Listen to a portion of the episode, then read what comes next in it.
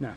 أحسن الله عليكم الحمد لله رب العالمين والصلاة والسلام على أشرف الأنبياء المرسلين نبينا محمد وعلى آله وصحبه أجمعين. اللهم اغفر لنا ولشيخنا يا رب العالمين. قال المصنف ورحمه الله تعالى الأصل الثاني معرفة دين الإسلام بالأدلة وهو الاستسلام لله بالتوحيد والانقياد له بالطاعة والبراءة من الشرك وأهله وهو الحمد ثلاث لله مراتب. رب العالمين وصلى الله وسلم وبارك على عبده ورسوله نبينا محمد وعلى آله وصحبه أجمعين. ذكر رحمه الله تعالى الأصل الثاني وهو معرفة دين الإسلام. ثم عرفه رحمه الله تعالى وقد تقدم الكلام على قوله رحمه الله تعالى بالأدلة. وقلنا إن الأدلة هي لمن لديه قدرة على أن يستدل والمراد بالأدلة أيضا الأدلة الشرعية كما أورد رحمه الله تعالى في الآيات الآتية. أما من لم يكن قادرا على الاستدلال فإنه لا يلزم بذلك. ولهذا جاء عنه عليه الصلاة والسلام أن رجلا أسلم ولم يحسن قراءة الفاتحة فأمره عليه الصلاة والسلام بالتسبيح والتحميد والتكبير فتكون عوضا عن قراءته للفاتحة لأن هذا هو ما يستطيعه وقد يحتاج إلى هذا إذا أسلم أحد قريبا من فرض الصلاة. فإنه إذا أسلم فقد يعسر عليه لو أسلم قبيل الصلاة بفترة يسيرة قد يعسر عليه أن يحفظ الفاتحة. فقد يوجه إلى التسبيح والتحميد والتكبير حتى يتمكن من حفظها. وهذا أمر متقرر ومعروف عند شيخ الإسلام محمد بن عبد الوهاب رحمه الله وعند غيره من أهل العلم. فالمقصود أن التدليل لمن قدر على الاستدلال ثم عرف الإسلام بأنه الاستسلام لله بالتوحيد وهذا حد مهم فإن الاستسلام لله عز وجل على نوعين استسلام يخضع له كل شيء من بر وفاجر وإنس وجن وحجر ورطب ويابس وهو المراد بقوله تعالى وله أسلم من في السماوات والأرض ثم بين ذلك بقوله طوعا وكرها. فهذا الإسلام العام يدخل فيه كل أحد. ولهذا النوع الثاني من الاستسلام هو المراد. الاستسلام لله عز وجل من قبل أهل الإيمان. وهو مراده بقوله رحمه الله تعالى الاستسلام لله بالتوحيد وليس الاستسلام العام وإنما الاستسلام الخاص بأهل الإيمان. فبين أن الاستسلام لله تعالى يكون بتوحيده عز وجل. والانقياد له بالطاعة. ينقاد لربه تبارك وتعالى مطيعا ويكون انقياده بالطاعة في أمرين اثنين فعل الأوامر وترك النواهي فهذا هو المطيع. والعاصي من خالف بأن ترك الأوامر أو اجترح النواهي واجترأ عليها. وأحكام العصاة تتفاوت من عصيان يكون به العاصي إلى في ضمن أهل الملة وفي ترك الواجبات من ترك مثل الصلاة فلا يشك في أنه يكون قد خرج من الملة على الصحيح. فالحاصل أن الطاعة المرادة هي أن تؤدي الأوامر التي أمرت بها وتكف عن النواهي التي نهيت عنها. فإذا تقرر عندك هذان الأمران استسلاما لله بالتوحيد وانقيادا له تعالى بالطاعة فضد هذا المسلك مسلك أهل الشرك. لا بد كما تقدم من البراءة منه ومن أهله والبراءة في أمرين اثنين البراءة من الشرك نفسه بأن تبرأ إلى الله من عبادة الكفرة في أنحاء الأرض الذين يبارزون الله بكفرهم وشركهم. ثم لا بد من البراءة من أهل هذا الشرك. فليس المقصود أن يبرأ من الشرك مع موالاة أهله فهذا تناقض وإنما المقصود أن يبرأ من الشرك نفسه ومن فاعليه لأن أهل الشرك كفار لهم المعاداة كما تقدم. فلا بد من الأمرين البراءة من الشرك ومن أهل الشرك المبارزين لله بعصيانهم. نعم. أحسن الله عليكم وهو ثلاث مراتب الإسلام والإيمان والإحسان وكل مرتبة لها أركان. فأركان الإسلام خمسة شهادة أن لا إله إلا الله وأن محمدا رسول الله. وإقام الصلاة وإيتاء الزكاة وصوم رمضان وحج بيت الله الحرام. ذكر أن هذا الدين مكون من ثلاث مراتب. المرتبة الأولى هي الإسلام والمرتبة الثانية هي الإيمان والمرتبة الثالثة هي الإحسان. وبين أن أن لها مراتب أيضا لكل واحدة من هذه المراتب أركان كما سيأتي إن شاء الله تعالى تفصيله. فذكر أول ما ذكر أركان الإسلام. وبين أنها الخمسة المعروفة. أركان الإسلام هي خمسة. معلوم أن الزكاة شيء والحج شيء والصوم شيء والصلاة شيء. أما الشهادة فمع أنها تتضمن شيئين اثنين هما الشهادة لله بالوحدانية والشهادة لنبيه محمد صلى الله عليه وسلم بالرسالة إلا أنها بمثابة الركن الواحد. لماذا؟ لأنها لا يصلح أن يؤتى منها بشيء دون شيء. فمن وحد الله ولم يقر بالرسالة لمحمد صلى الله عليه وسلم فإنه كافر بلا أدنى إشكال عند أهل العلم. فلهذا مع أن هذا الركن من شقين اثنين إلا أنه عد ركنا واحدا ولم نقل أركان الإسلام ستة. شهادة أن لا إله إلا الله ركن وشهادة أن محمد رسول الله ركن. بل عددنا الشهادتين ركنا واحدا لأنه لا يمكن أن تنفع إحدى الشهادتين إلا بالأخرى.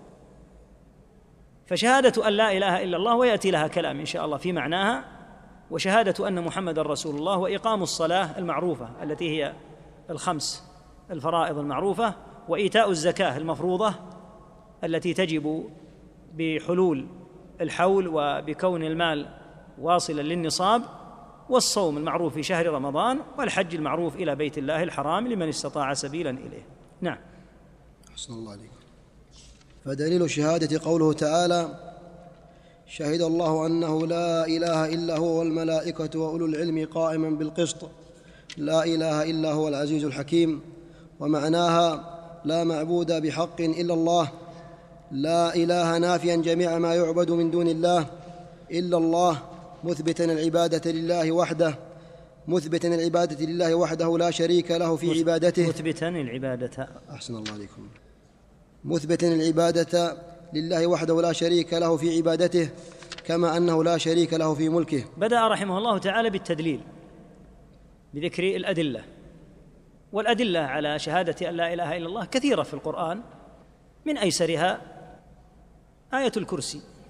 الله لا إله إلا هو الحي القيوم فإن كثيرا من المسلمين يحفظونه. وفي أولها الدلالة على شهادة أن لا إله إلا الله. إلى غير ذلك من الآيات الكثيرة. ومنها هذه الآية. شهد الله أنه لا إله إلا هو والملائكة وأولو العلم. يعني شهد الله أنه لا إله إلا هو وشهدت الملائكة وشهد أولو العلم والمقصود بهم أهل العلم الشرعي. شهدوا بهذه الشهادة العظيمة قائما بالقسط لا إله إلا هو العزيز الحكيم. وفي هذه الآية أعظم شاهد وهو الله عز وجل بأعظم مشهود وهو التوحيد. وفي الآية أيضا شرف العلم وأهله.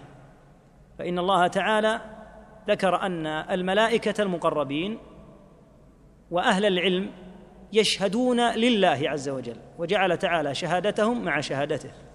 وهذا يحفز طالب العلم على العناية بالعلم الشرعي والصبر على تكلف الصعاب في تعلمه. فإن شأن العلم الشرعي لمن أصلح الله له نيته وعمل شأن عظيم جدا. ولهذا ذكر الله عز وجل وذكر النبي صلى الله عليه وسلم في غير ما حديث ما يدل على فضائل العلم الشرعي. ومنها هذه الآية العظيمة أن يشهد الله ويقرن بشهادته على أعظم شيء يشهد به وهو توحيده يقرن شهادة الملائكة. أين شهادة الأنبياء؟ أعظم أهل العلم على الإطلاق هم الأنبياء. وكل المتعلمين فمتعلمون من الأنبياء لأن من المفروغ منه. أن قوله تعالى شهد الله أنه لا إله إلا هو والملائكة وأولو العلم أجل أولي العلم وأفضل أولي العلم هم الملائكة لأن الله عز وجل جعلهم معلمين مرشدين للناس. إنا أرسلناك شاهدا ومبشرا ونذيرا وداعيا إلى الله بإذنه وسراجا منيرا. فالرسول صلى الله عليه وسلم معلم الناس الخير والمعلم الأول لهذه الأمة صلى الله عليه وسلم. فالحاصل أن الرب تعالى شهد بهذه الشهادة فما معنى قولنا لا إله إلا الله؟ هذه الكلمة لها ركنان اثنان. الركن الأول هو النفي في قولك لا إله والركن الثاني الإثبات في قولك إلا الله. فقولك لا إله نفي لجميع المعبودات من دونه تعالى وقولك إلا الله حصر لاستحقاق العبادة في الله وحده لا شريك له. كما أن الله ليس له شريك في ملكه فكذلك لا يجعل له شريك في عبادته. وهذه الكلمة العظيمة أيضا لها شروط فإنه لا يكفي أن تقال هذه الكلمة دون أن توعى شروطها. وهذه الشروط ثمانية نظم الناظم سبعة منها في بيت وذكر الشيخ ابن عتيق رحمه الله تعالى الشرط الثامن في البيت الثاني. فيقول الناظم رحمه الله في هذه الشروط علم يقين وإخلاص وصدقك مع محبة وانقياد والقبول لها. هذه سبعة شروط. زاد الشيخ بن عتيق رحمه الله وزيد ثامنها الكفران منك بما سوى الإله من المعبود قد ألها. نعيدها مرة أخرى. علم يقين وإخلاص وصدقك مع محبة وانقياد والقبول لها. وزيد ثامنها الكفران منك بما سوى الإله من المعبود قد ألها. فقائل لا إله إلا الله حتى ينتفع بها لا بد أن يكون عالما بمعناها. كما قال تعالى إلا من شهد بالحق وهم يعلمون. يقول البغوي يعلمون بقلوبهم ما شهدت به ألسنتهم. فلا بد من أن يكون قائل لا إله إلا الله عارفا بمعناها. قد يعجز العامي أن يعبر عن معناها. قد يقال لبعض العامة اذكر ركن لا إله إلا الله. فقد يعجز لكن واقعه وحياته مبنية على إقامة معنى لا إله إلا الله فذلك يكفي. ولهذا لو لم يستطع أن يعبر بلسانه وكان ممتثلا كلمة التوحيد لكفى هذا في حق العامي. لكن طالب العلم ينبغي أن يكون ذا همة ويعرف معنى هذه الشروط ويعرف أدلتها أيضا. لكن المقام مقام قصير. لا نستطيع أن نذكر أدلتها مفصلة. وقد ذكرها الشيخ حافظ حكمي رحمه الله تعالى في معارج القبول وفصلها. وذكرها أيضا الشيخ عبد الرحمن بن حسن في فتح المجيد وغيرهم من المصنفين رحم الله الجميع. لا بد من العلم بمعناها. الأمر الثاني لا بد من اليقين بأن يكون قائل لا إله إلا الله مستيقنا. وضد اليقين الشك. والثالث الإخلاص. الشرط الثالث شرط الإخلاص. فلو قالها أحد بلسانه وهو غير مخلص كما يقع من المنافقين فإنها لا تنفعه. والرابع الصدق. بأن يتواطأ اللسان مع القلب. فيقول بلسانه ما هو مصدق به بقلبه. ثم لا بد أيضا من شرط المحبة وهو الشرط الخامس بأن يكون محبا لهذه الكلمة ولمدلولها ولما تدل عليه ولأهلها العاملين بها. ثم لا بد من أمرين الانقياد ويكون بالعمل لأن كلمة التوحيد هذه لها معنى ويترتب على هذا المعنى أفعال تفعل وتروك تترك فلا بد أن ينقاد لمدلول هذه الكلمة. والسابع هو القبول. بأن يقبل أي بقلبه. فقد يقبل الإنسان ولا ينقاد. يكون قابلا للحق لكن لا ينقاد له. وقد ينقاد غير قابل. فهما شرطان متفاوتان. الشرط الثامن الكفر بما يعبد من دون الله. وهو الذي في بيت الشيخ بن عتيق رحمه الله. وزيد ثامنها الكفران منك بما سوى الإله من المعبود قد ألها. وهو الكفر بالطاغوت. أي الكفر بالمعبود من دون الله. فهذه الكلمة العظيمة ينبغي أن يعرف معناها وأنها تدل على نفي استحقاق العبادة لأحد بتاتا إلا الله وحده لا شريك له كما سيبينها رحمه الله تعالى في الآيات الآتية. نعم. أحسن الله عليكم. وتفسيرها الذي يوضحها قوله تعالى وإذ قال إبراهيم لأبيه وقومه إنني براء مما تعبدون إلا الذي فطرني فإنه سيهدين. وجعلها كلمة باقية في عقبه لعلهم يرجعون. هذه أول الآيات التي أورد وهي قول إبراهيم عليه الصلاة والسلام. وإذ قال إبراهيم لأبيه وقومه إنني براء مما تعبدون. قوله عليه الصلاة والسلام براء هو الركن الأول وهو النفي لا إله.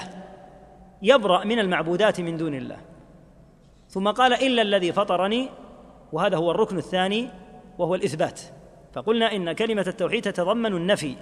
والنفي يقتضي البراءة مما عبد من دون الله عز وجل. ولهذا قال إنني براء براء مما تعبدون. ثم حصر استحقاق العبادة في الله تعالى بأداة الحصر هذه إلا الذي فطر بأداة الاستثناء إلا الذي فطرني وهو الله عز وجل. ومن ذلك أيضا قوله تعالى فمن يكفر بالطاغوت ويؤمن بالله فقد استمسك بالعروة الوثقى أي لا إله إلا الله. فمن يكفر بالطاغوت هذا النفي لا إله. والطاغوت هو ما عبد من دون الله وهو راضي. ويؤمن بالله هذا هو الإثبات في قولك إلا الله. من أتى بالأمرين فقد استمسك بالعروة الوثقى. ولن يستمسك بالعروة الوثقى الا إذا جمع الأمرين. بأن يكفر بالمعبود من دون الله عز وجل ويحصر العبادة في ربه تبارك وتعالى. ومن ذلك أيضا قول الله تعالى بما يدل على أنه حتى الكفار يعرفون معنى لا إله إلا الله أنها تعني النفي والإثبات. لما قال هود لقومه يا قوم اعبدوا الله ما لكم من إله غيره قالوا أجئتنا لنعبد الله وحده ونذر ما كان يعبد آباؤنا لنعبد الله وحده هذا هو الإثبات. ونذر أي نترك ما كان يعبد آباؤنا هذا هو النفي.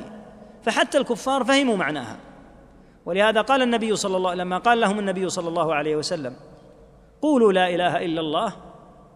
قالوا أجعل الآلهة إلها واحدا؟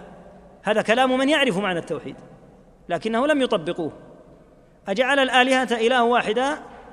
قول رسول الله صلى الله عليه وسلم لهم قولوا لا إله إلا الله. يقتضي أن تبطل كل الآلهة التي يعبدون ويقتصر على عبادة رب العالمين وحده.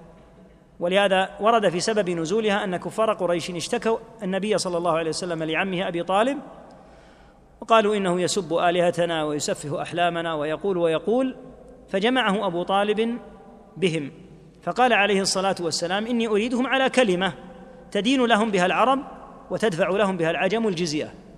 قالوا كلمة واحدة؟ لنعطينكها وأبيك وعشر كلمات. قال قولوا لا إله إلا الله. فقاموا ينفضون ثيابهم يعني من الغضب وقالوا أجعل الآلهة إلها واحدا. فأبوا أن يقولوا لا إله إلا الله لعلمهم بأنها تعني الكفر بما يعبد من دون الله وحصر استحقاق العبادة في الله وحده. ولهذا قال تعالى في بقية الآية وإذ قال إبراهيم لأبيه وقومه إنني براء مما تعبدون إلا الذي فطرني وجعلها كلمة أي كلمة التوحيد هذه وجعلها كلمة باقية في عقبه أي في ذريته لا يزال في ذريته من يقولها. لعلهم يرجعون أي إليها إلى هذه الكلمة. نعم. أحسن الله عليك. وقوله قل يا أهل الكتاب تعالوا إلى كلمة سواء بيننا وبينكم ألا نعبد إلا الله ولا نشرك به شيئا ولا يتخذ بعضنا بعضا أربابا من دون الله فإن تولوا فقولوا اشهدوا بانا مسلمون. وهذه الكلمة هي التي يدعى إليها أهل الكتاب والمراد بهم اليهود والنصارى. أنحاور اليهود والنصارى؟ أنكلم اليهود والنصارى؟ ندعو كل أحد اليهود والنصارى والملاحدة والبوذيين وكل أحد ولكن نحفظ ديننا. لا نتنازل عنه لا لليهود ولا للنصارى ولا لغيرهم. فندعوهم الدعوة الواردة في كتاب الله. تعالوا إلى كلمة. ما هذه الكلمة؟ تعالوا إلى كلمة سواء بيننا وبينكم نستوي نحن وإياكم فيها. ألا نعبد إلا الله ولا نشرك به شيئا. ألا نعبد إلا الله ولا نشرك به شيئا. هذه تبين معنى كلمة التوحيد. فيفرد الله وحده. ألا نعبد إلا الله هذا هو الإثبات في قولك إلا الله. ولا نشرك به شيئا هذا هو النفي في قولك لا إله. ولا نشرك به شيئا. ولا يتخذ بعضنا بعضا أربابا من دون الله بأن يعظم بعضنا بعضا كما يفعل اليهود والنصارى مع أحبارهم ورهبانهم. كما قال تعالى اتخذوا أحبارهم ورهبانهم أربابا من دون الله بأن يطيعوهم فيما حرم الله فيحلوه إذا أحلوه لهم أو العكس إما أن يحرموا ما أحل الله أو يحلوا ما حرم الله فيطاعون في ذلك. فهذا من من اتخاذهم أربابا. وفسر اتخاذهم أربابا بالسجود لهم لأن السجود خالص حق الله فكانوا يسجدون لهم. فلا يتخذ أحد ربا ولا يتخذ بعضنا بعضا أربابا من دون الله. فإن تولوا إن أبوا فإياك أن تتنازل عن مبدئك لأنك على الحق. فإن تولوا فقولوا اشهدوا بانا مسلمون تثبتون على ما أنتم عليه ولا تتنازلون لهم ولا لغيرهم وتثبتون على المبدأ الحق الذي أنتم عليه. ولهذا قال تعالى فإن آمنوا بمثل ما آمنتم به فقد اهتدوا وإن تولوا فإنما هم في شقاق فسيكفيكهم الله وهو السميع العليم. فعلى أهل الإسلام أن يثبتوا وأن يرسخوا على هذا الحق الذي معهم وأن يعرضوه ما استطاعوا وينشروه قدر ما يطيقون. فإن قبل فالحمد لله وإن لم يقبل فليلتزموا ما هم عليه من الحق.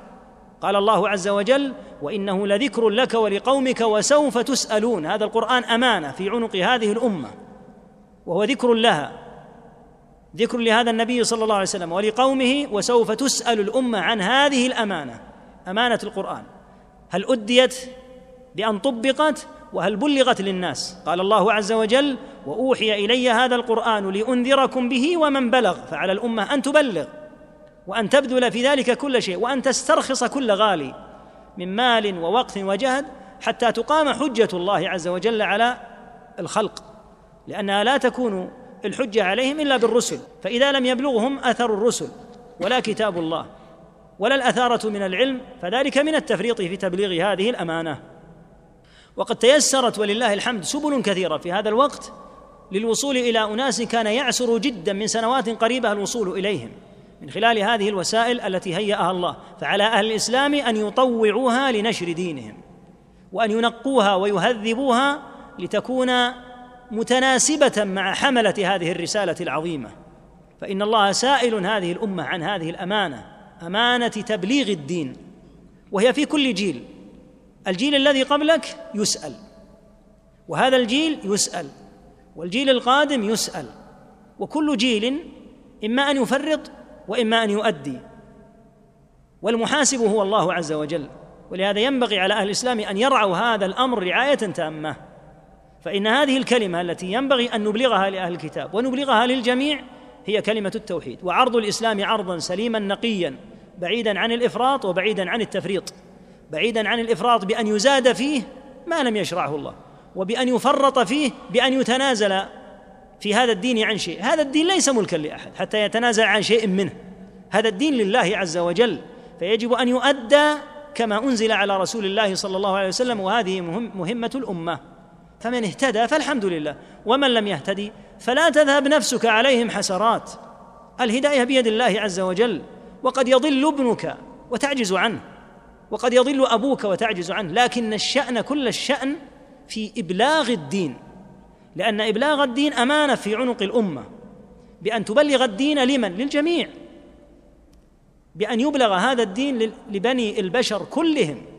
قدر ما تستطيع هذه الأمة حتى تقام حجة الله عز وجل على الناس فمن هدي فالحمد لله ومن لم يهتدي فهذا أمره إلى الله عز وجل هو الذي بيده مفاتيح القلوب عز اسمه.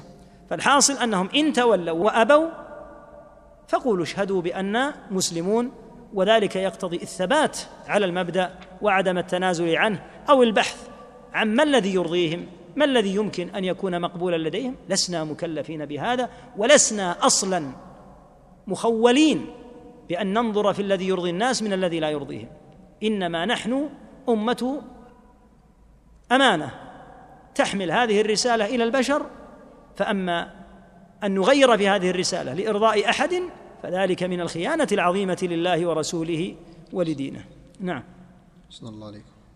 ودليل شهادة أن محمد رسول الله قوله تعالى لقد جاءكم رسول من أنفسكم عزيز عليه ما عنتم حريص عليكم بالمؤمنين رؤوف رحيم. ذكر بعد ذلك دليل شهادة أن محمد رسول الله.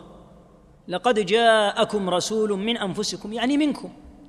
تعرفونه وتعرفون نسبه كما قال تعالى لقد من الله على المؤمنين إذ بعث فيهم رسولا من أنفسهم. هذا الرسول الكريم عليه الصلاة والسلام ذكر الله عز وجل بعض الخصال الجليلة فيه. عزيز عليه ما عنتم يشق عليه الشيء الذي يشق على الأمة من حرصه الشديد. صلوات الله وسلامه عليه. حريص عليكم. فيه حرص بالغ على هذه الأمة وعلى هدايتها وعلى الخير لها. بالمؤمنين رؤوف رحيم. هذا وصفه صلوات الله وسلامه عليه. والأدلة على شهادة أن محمد رسول الله في القرآن كثيرة جدا. منها قوله تعالى وما محمد إلا رسول قد خلت من قبله الرسل وغيرها من الآيات الكثيرة. نعم. أحسن الله عليك. ومعنى شهادة أن محمد ومعنى, رسول ومعنى شهادتي. أحسن الله عليك. ومعنى شهادة أن محمد رسول الله طاعته فيما أمر وتصديقه فيما أخبر واجتناب ما نهى عنه وزجر وأن لا يعبد الله وأن لا يعبد الله إلا بما شرع. معنى الشهادة الإقرار باللسان المطابق للقلب بأنه صلوات الله وسلامه عليه رسول الله إلى جميع الإنس والجن صلوات الله وسلامه عليه. ومقتضى هذه الشهادة في الأمور الأربعة التي ذكر رحمه الله تعالى. طاعته فيما أمر أي أمر يأمر به صلوات الله وسلامه عليه فإنك تطيعه فيه.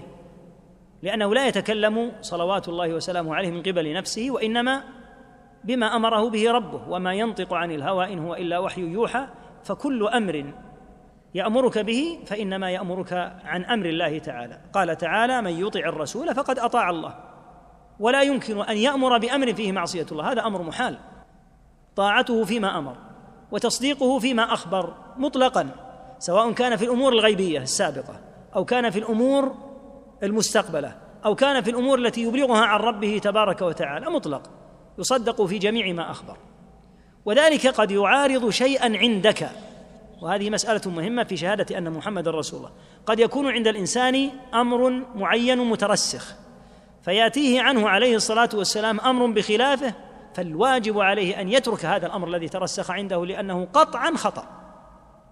على سبيل اليقين والجزم أنه خطأ. والدليل على أنه خطأ أنه صادم ما أخبر به رسول الله صلى الله عليه وسلم. فكل أمر مصادم لأمر رسول الله لخبر رسول الله صلى الله عليه وسلم فالخطأ في ذلك الذي صادم أمر رسول الله صلى الله عليه وسلم. وأما ما يخبر به عليه الصلاة والسلام أو يأمر به فهو الحق الذي لا مرية فيه. وهكذا اجتناب ما نهى عنه وزجر. كل ما نهى عنه الأمة فإنه يجب اجتنابه وليس لأحد أن يخالف في هذا وإلا لم يكن محققا لما يجب من الطاعة. وان لا يعبد الله إلا بما شرع ليس لأحد أن يتدين ويتقرب بعبادة من العبادات إلا إذا كانت على هدي رسول الله صلى الله عليه وسلم. هذه الأمور الأربعة قد يطول الكلام فيها لعظم ما تتضمنه من المعاني ولكن هذا معناها بإيجاز. نعم. أحسن الله عليك ودليل الصلاة والزكاة وتفسير التوحيد قوله تعالى وما أمروا إلا ليعبدوا الله مخلصين له الدين حنفاء ويقيموا الصلاة ويؤتوا الزكاة وذلك دين القيمة. الأدلة على الصلاة كثيرة وكذا الأدلة على الزكاة ولكن أتى رحمه الله تعالى بدليل واحد يجمع الصلاة والزكاة. وما أمروا إلا ليعبدوا الله مخلصين له الدين حنفاء ويقيموا الصلاة ويؤتوا الزكاة. قوله تبارك وتعالى وما أمروا إلا ليعبدوا الله. ثم قال ويقيم الصلاة ويؤتوا الزكاة. عبادة الله عامة. وإقام الصلاة وإيتاء الزكاة من ضمنها. فما معنى هذا العطف في قوله ويقيم الصلاة؟ هذا من عطف الخاص على العام. لأن عبادة الله الواردة في أول الآية وما أمروا إلا ليعبدوا الله تشمل الصلاة والزكاة. ثم لأهمية الصلاة والزكاة خصت ويقيم الصلاة ويؤتوا الزكاة وذلك دين القيمة. هذا الدين الذي يجمع هذه الأمور العظيمة من عبادة الله تعالى وإقام الصلاة وإيتاء الزكاة هو دين القيمة التي ليس فيها اعوجاج لأن دين الله مستقيم. كما قال تعالى وأن هذا صراطي مستقيما فاتبعوه ولا تتبعوا السبل. فدين الله عز وجل ليس فيه اعوجاج وذلك دين القيمة أي التي لا اعوجاج فيها. نعم. أحسن الله عليكم. ودليل الصيام قوله تعالى يا أيها الذين آمنوا كتب عليكم الصيام كما كتب على الذين من قبلكم لعلكم تتقون. هذا دليل وجوب الصيام. في قوله تبارك وتعالى يا أيها الذين آمنوا كتب عليكم الصيام أي فرض كما كتب على الذين من قبلكم لعلكم تتقون أي لأجل أن تتقوا. فبين تعالى حكمة أمره بالصيام. ف والمقصود قطعا بالصيام صيام رمضان. لقوله تعالى شهر رمضان الذي أنزل فيه القرآن هدى للناس وبينات من الهدى والفرقان فمن شهد منكم الشهر فليصم. أي شهر رمضان تحديدا. وما سواه فإنه يكون على الاستحباب. نعم. صلى الله عليكم ودليل الحج قوله تعالى ولله على الناس حج البيت من استطاع بكسر الحاء. حج البيت. أحسن الله عليك. ولله على الناس حج البيت من استطاع إليه سبيلا ومن كفر فإن الله غني عن العالمين. لما ذكرناه من وجوب الصيام وأنه خاص برمضان إلا أن ينذر كما قلنا بالأمس أحد فيكون نذره هذا هو الذي أوجب عليه الصيام وإلا فالأصل عدم الصيام. أو أن يكون في مثل آه، المتمتع إذا لم يجد الهدي فإنه يصوم ثلاثة أيام في الحج وسبعة إذا رجع إلى أهله. لكن هذه كما تعلم ليست على سبيل الوجوب العام لأن الذي يجد الهدي لا يجب عليه الصوم ولكن المقصود الوجوب العام المقصود به وجوب رمضان. وأما الحج فالمراد به الحج إلى بيت الله كما في قوله تعالى ولله على الناس حج البيت فيجب أن يحج البيت مرة واحدة فرضا على كل قادر لقوله تعالى من استطاع إليه سبيلا هذه الأدلة على وجوب هذه العبادات العظيمة وهي أركان الإسلام الخمسة. نعم. أحسن الله عليك. المرتبة الثانية الإيمان وهو بضع وسبعون شعبة فأعلاها قول لا إله إلا الله وأدناها إماطة الأذى عن الطريق والحياء شعبة من الإيمان وأركانه ستة. نعم. تكلم بعد ذلك عن المرتبة الثانية من مراتب الدين وهي مرتبة الإيمان وهي مرتبة عظيمة جدا. ولما ادعاها من ادعاها نهاهم الله عن هذه الدعوة. قال تعالى قالت الأعراب آمنا قل لم تؤمنوا ولكن قولوا أسلمنا. لأن كون الإنسان يدعي الإيمان لنفسه هذا فيه تزكية. فادعت هؤلاء الأعراب ادعوا ادعى هؤلاء الأعراب الإيمان فقال تعالى قل لم تؤمنوا ولكن قولوا أسلمنا. الإسلام بالأعمال الظاهرة هذه موجود عندكم ولكن بلوغ. هذه المرتبة العظيمة وهي مرتبة الإيمان هذه لما تصلوا إليها بعد. قل لم تؤمنوا ولكن قولوا أسلمنا ولما يدخل الإيمان في قلوبكم. فالحاصل أن الإيمان تعريفه أنه قول باللسان واعتقاد بالقلب وعمل بالجوارح. هذه هي حقيقته الشرعية. لا بد فيه من ثلاثة الأمور هذا قول اللسان واعتقاد القلب وعمل الجوارح. وهو شعب يعني أجزاء. فالصلاة شعبة والصوم شعبة وقول لا إله إلا الله شعبة وهكذا. يعني ليس الإيمان شيئا واحدا إما أن يوجد كله وإما أن يرتفع كله. لا بل الإيمان شعب يعني أجزاء. بضع وسبعون وفي لفظ البخاري بضع وستون شعبة. يعني أنه أجزاء. أعلى هذه الأجزاء كلمة التوحيد. قول لا إله إلا الله بالشروط السابقة التي تقدم. لا أن يقولها بلسانه فقط مجردة ولكن بتحقيق شروطها. وأدناها أي أقلها إماطة الأذى عن الطريق كأن تجد شوكا في الطريق أو تجد شيئا يؤذي الناس فتزيله. والحياء شعبة من الإيمان. والحياء معروف عند المؤمن لا يخفى عليه فذكر في هذا الحديث ما يدل على أن الإيمان قول واعتقاد وعمل. فقال فأعلاها قول لا إله إلا الله وهذه باللسان. وأدناها إماطة الأذى عن الطريق وهذه من أعمال الجوارح. تأتي بجوارحك بيديك وتزيل الأذى عن الطريق. وأدناها إماطة الأذى عن الطريق. والحياء شعبة من الإيمان والحياء أمر قلبي. وليس أمرا يظهر على اليد أو ينطق به. ولكن أصل الحياء في القلب. ثم إنه ينبعث منه ينبعث منه شيء من الآداب والأخلاق على الإنسان في لسانه وفي تصرفاته نعم لكنه أمر قلبي في أصله. فهذا يدل على أن الإيمان قول واعتقاد وعمل وهو اعتقاد أهل السنة. ومن خالف في هذا فهم المرجئة. أي أحد يقول إن الإيمان ليس من هذه الأمور الثلاث فهو من المرجئة؟ نعم. أحسن الله عليكم. وأركانه ستة أن تؤمن بالله وملائكته وكتبه ورسله واليوم الآخر وتؤمن بالقدر خيره وشره. نعم. قد يقول قائل كيف هو اركانه ستة وهو بضع وستون أو بضع وسبعون شعبة؟ الإيمان الذي هو العقيدة والأصول مكون من هذه الأركان. الاعتقاد الأصول الكبار هو بهذه الأركان الستة بلا شك. أما الإيمان الذي يشمل أعمال العبد اقوالا وافعالا وامورا قلبية فهو على هذا النحو بضع وستون شعبة. وأركانه معلومة.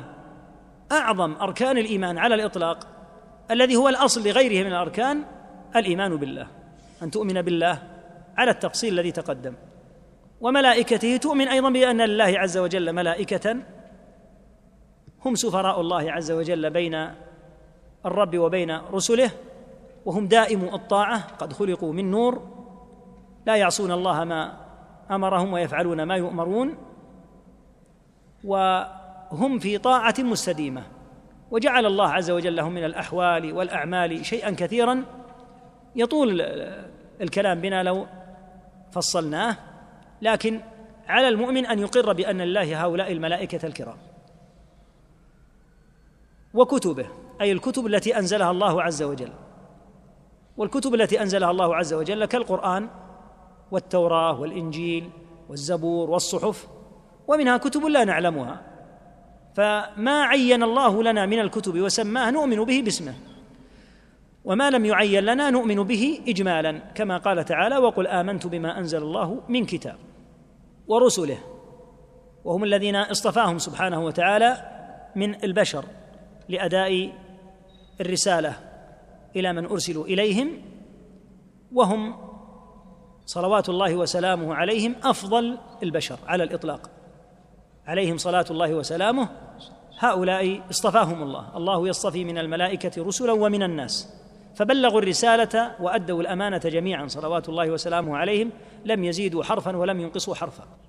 وأدوا الأمانة كما ينبغي وصبروا لله. فمنهم من قتل ومنهم من نصر ولكنهم ثبتوا على الحق عليهم صلاة الله وسلامه وسيدهم وإمامهم هو محمد صلى الله عليه وسلم. منهم من نعرفه باسمه كالمذكورين في القرآن وعددهم خمسة وعشرون ومنهم من لا نعرفه. قال تعالى منهم من قصصنا عليك ومنهم من لم نقصص عليك. فالذين عرفناهم نؤمن بهم بأسمائهم والذين لا نعرفهم نؤمن بهم أيضا إجمالا. نؤمن أن الله رسلا والله أعلم بأسمائهم وتفاصيل أمورهم. قال الله عز وجل بعد أن ذكر بعض الأمم لا يعلمهم إلا الله. ولهذا قال بعض أهل العلم كذب النسابون. الذي يذكر نسبه من هنا إلى آدم هذا أمر محال مستحيل. لأن هناك أمما لا يعلمها إلا الله عز وجل. ولهذا قال ابن مسعود وغيره رضي الله عنه كذب النسابون لا تستطيع أن تصل نسبك من هنا إلى آدم مستحيل. لأن هناك أمما لا يعلم أصلا بها أحد إلا الله تعالى. ولهذا المتفق عليه في نسب رسول الله صلى الله عليه وسلم إلى عدنان كما سيأتي. أما من بعد عدنان فمختلف فيه.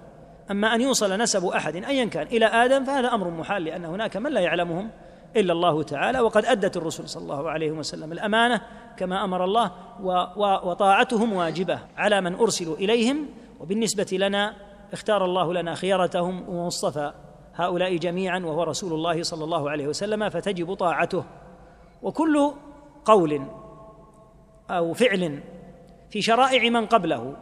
إذا خالف ما قال به النبي صلى الله عليه وسلم أو ما أمر به يكون أمرا منسوخا يكون حقا في تلك الأمة. فإذا أمر بنو إسرائيل بأمر من قبل موسى وجب على بني إسرائيل لكن لا يجب علينا نحن وليس لأحد أن يستمسك بشيء من الملل السابقة بدعوى أنها لرسل لأن الله تعالى إذا نسخ بهذه الشريعة شيئا من تلك الشرائع فإن الواجب أن يلتزم شرع المرسل إلينا صلى الله عليه وسلم. واليوم الآخر واليوم الآخر هو اليوم الذي ليس بعده يوم وهو القيامة. يتضمن امورا ثلاثة البعث ثم الجزاء والحساب ثم استقرار الناس فريق في الجنة وفريق في السعير دخول الجنة أو دخول النار. هذا فيما يتعلق باليوم الآخر. وتؤمن بالقدر. القدر أيضا النصوص دلت جاءت فيه على أنواع ثلاثة. نذكرها بإيجاز. النوع الأول ما إثبات ما يتعلق بالرب. وهو الإيمان بأنه تعالى علم كل شيء جملة وتفصيلا. والثاني أنه كتب ذلك في اللوح المحفوظ. والثالث أن جميع ما يكون فإنه بمشيئته. لا يقع شيء إلا بإذنه ومشيئته تعالى. الرابع أن جميع ما يكون فهو خلق خلقه الله تعالى. هذا ما يتعلق بالرب. بعد ذلك يأتي إثبات ما يتعلق بالعبد وهو أن له مسؤولية عن أفعاله وتصرفاته الاختيارية وأنه إذا آمن بما يجب أن يؤمن به في القدر من جهة رب العالمين فإنه لا يعني ذلك خلو مسؤوليته هو. بل يجب عليه أن يؤمن بأن ما يثبت لرب العالمين لا يتنافى مع كونه مسؤولا لأن الله جعل له مشيئة وقدرة كما قال تعالى وما تشاءون إلا أن يشاء الله.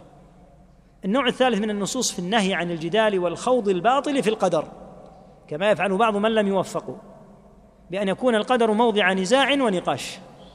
هذا مجمل ما يقال في موضوع الايمان بالقدر وقد فصله الشيخ رحمه الله تعالى في أكثر من موطن منها رسالة له نافعة اسمها شرح أصول الإيمان ومر أيضا عليها في كتابه عقيدة أهل السنة والجماعة والتفصيل لها في مثل هذا المقام قد يكون عسرا. نعم.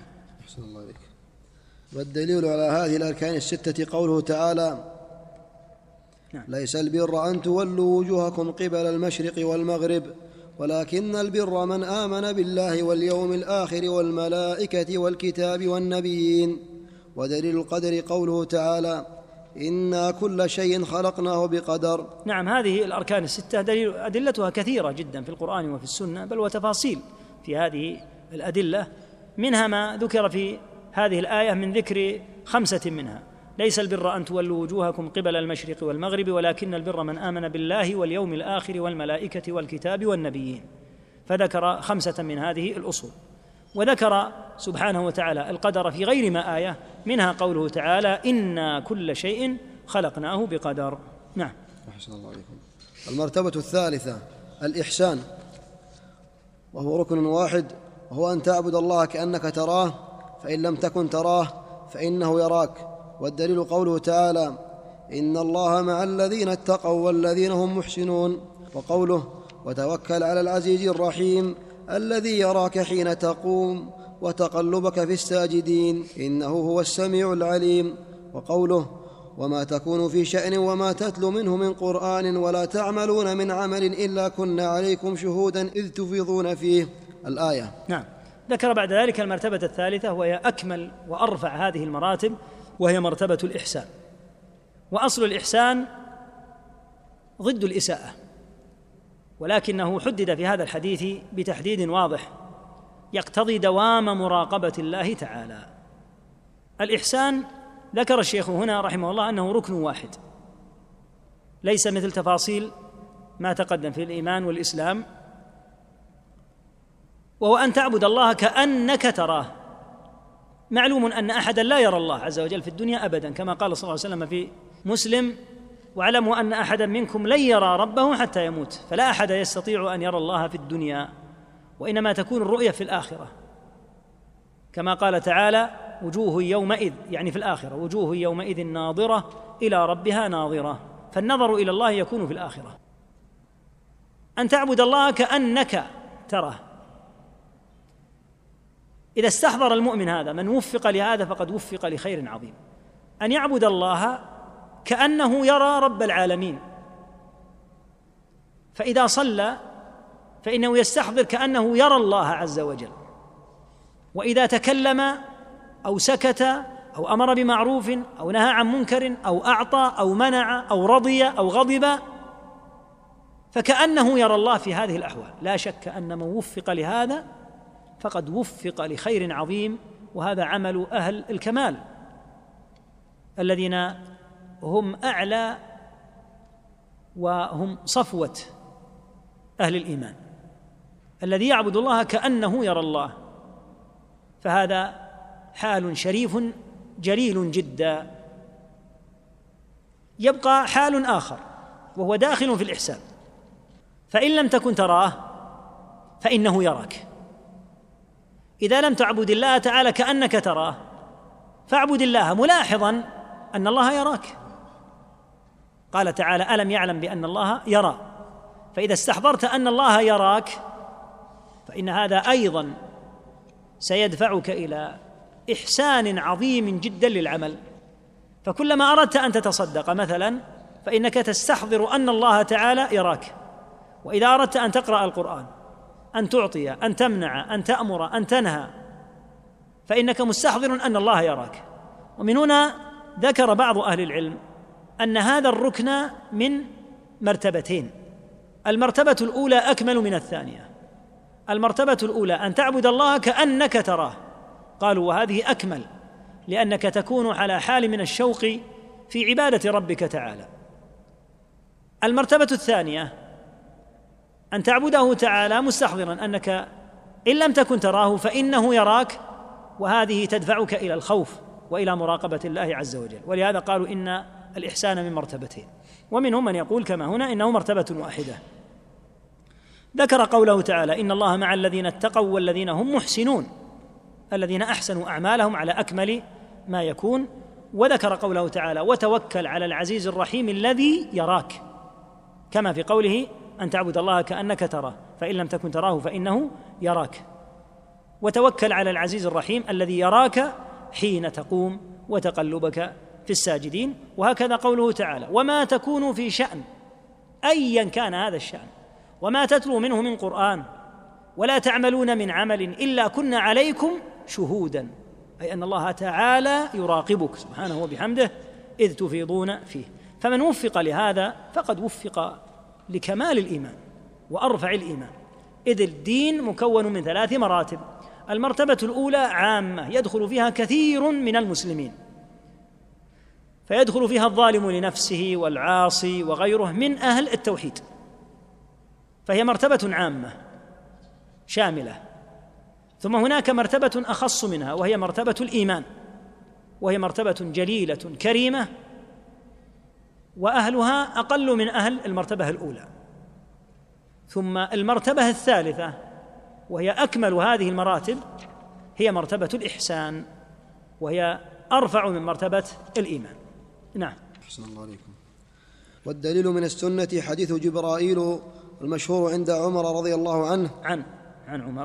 بارك الله فيك. والدليل من السنة حديث جبرائيل المشهور عن حديث عمر حديث جبرائيل لأن جبرائيل اسم أعجمي. فيلزم هذا. عندي مشكلة كذا شيخ.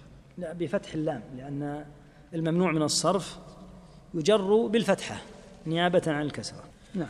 والدليل من السنة حديث جبرائيل المشهور عن عمر رضي الله عنه قال بينما نحن جلوس عند رسول الله صلى الله عليه وسلم إذ طلع علينا رجل شديد بياض الثياب شديد سواد الشعر لا يرى عليه أثر السفر السفر السفري.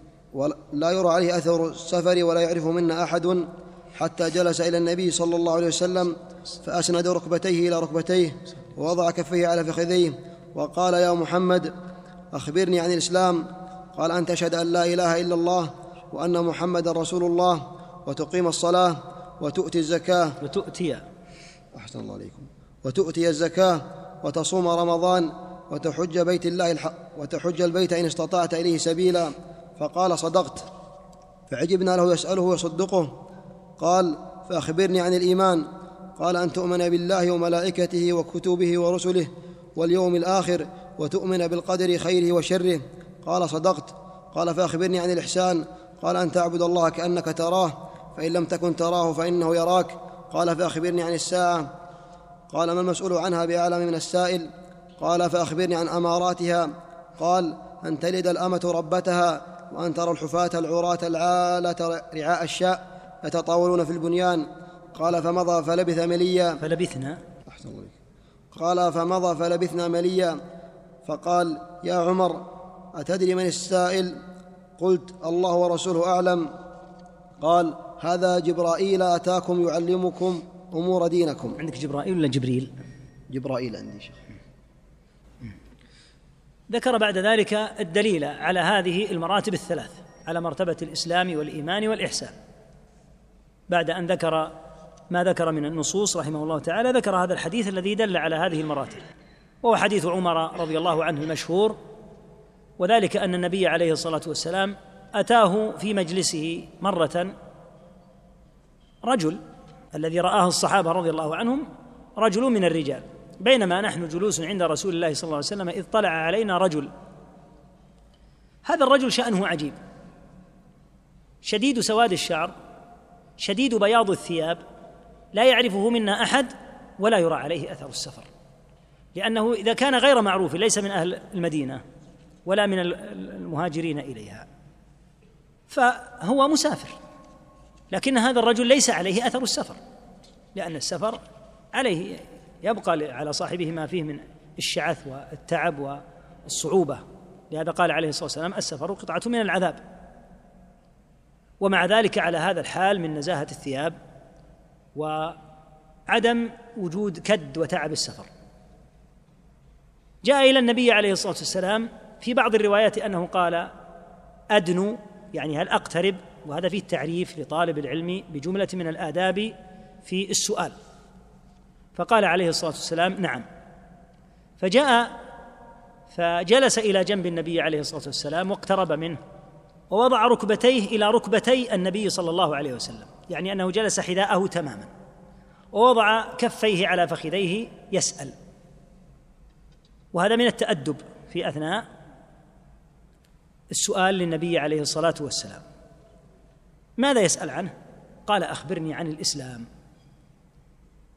قال الإسلام أن تشهد أن لا إله إلا الله وأن محمدا رسول الله وتقيم الصلاة وتؤتي الزكاة وتصوم رمضان وتحج البيت. إن استطعت إليه سبيلا. قال صدقت.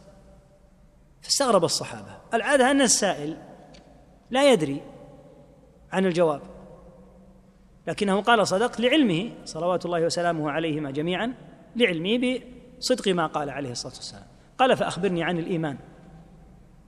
قال الإيمان أن تؤمن بالله وملائكته وكتبه ورسله واليوم الآخر وتؤمن بالقدر خيره وشره. قال صدقت. فعجبنا له يسأله ويصدقه. قال فأخبرني عن الإحسان. قال أن تعبد الله كأنك تراه فإن لم تكن تراه فإنه يراك وهنا. سأل سؤالا لا جواب عليه. وكل هذا من التعليم. قال فأخبرني عن الساعة يعني أنت أجبت على هذه الأشياء لكن متى تقوم الساعة؟ فقال عليه الصلاة والسلام ما المسؤول عنها بأعلم من السائل؟ المسؤول عنها رسول الله صلى الله عليه وسلم والسائل جبريل وجبريل أفضل الملائكة. ومحمد صلى الله عليه وسلم أفضل الرسل. فإذا لم يعرفها أفضل الملائكة ولا أفضل الرسل فغيرهم من باب أولى لأن الساعة مما استأثر الله بعلمه. كما قال تعالى إن الساعة آتية أكاد أخفيها. قال بعض السلف أي أكاد أخفيها عن نفسي من شدة إخفاء الله عز إخفاء الله عز وجل لها. فلا يمكن أن تعرف. لا يمكن أن يعرف متى تأتي الساعة بتاتا.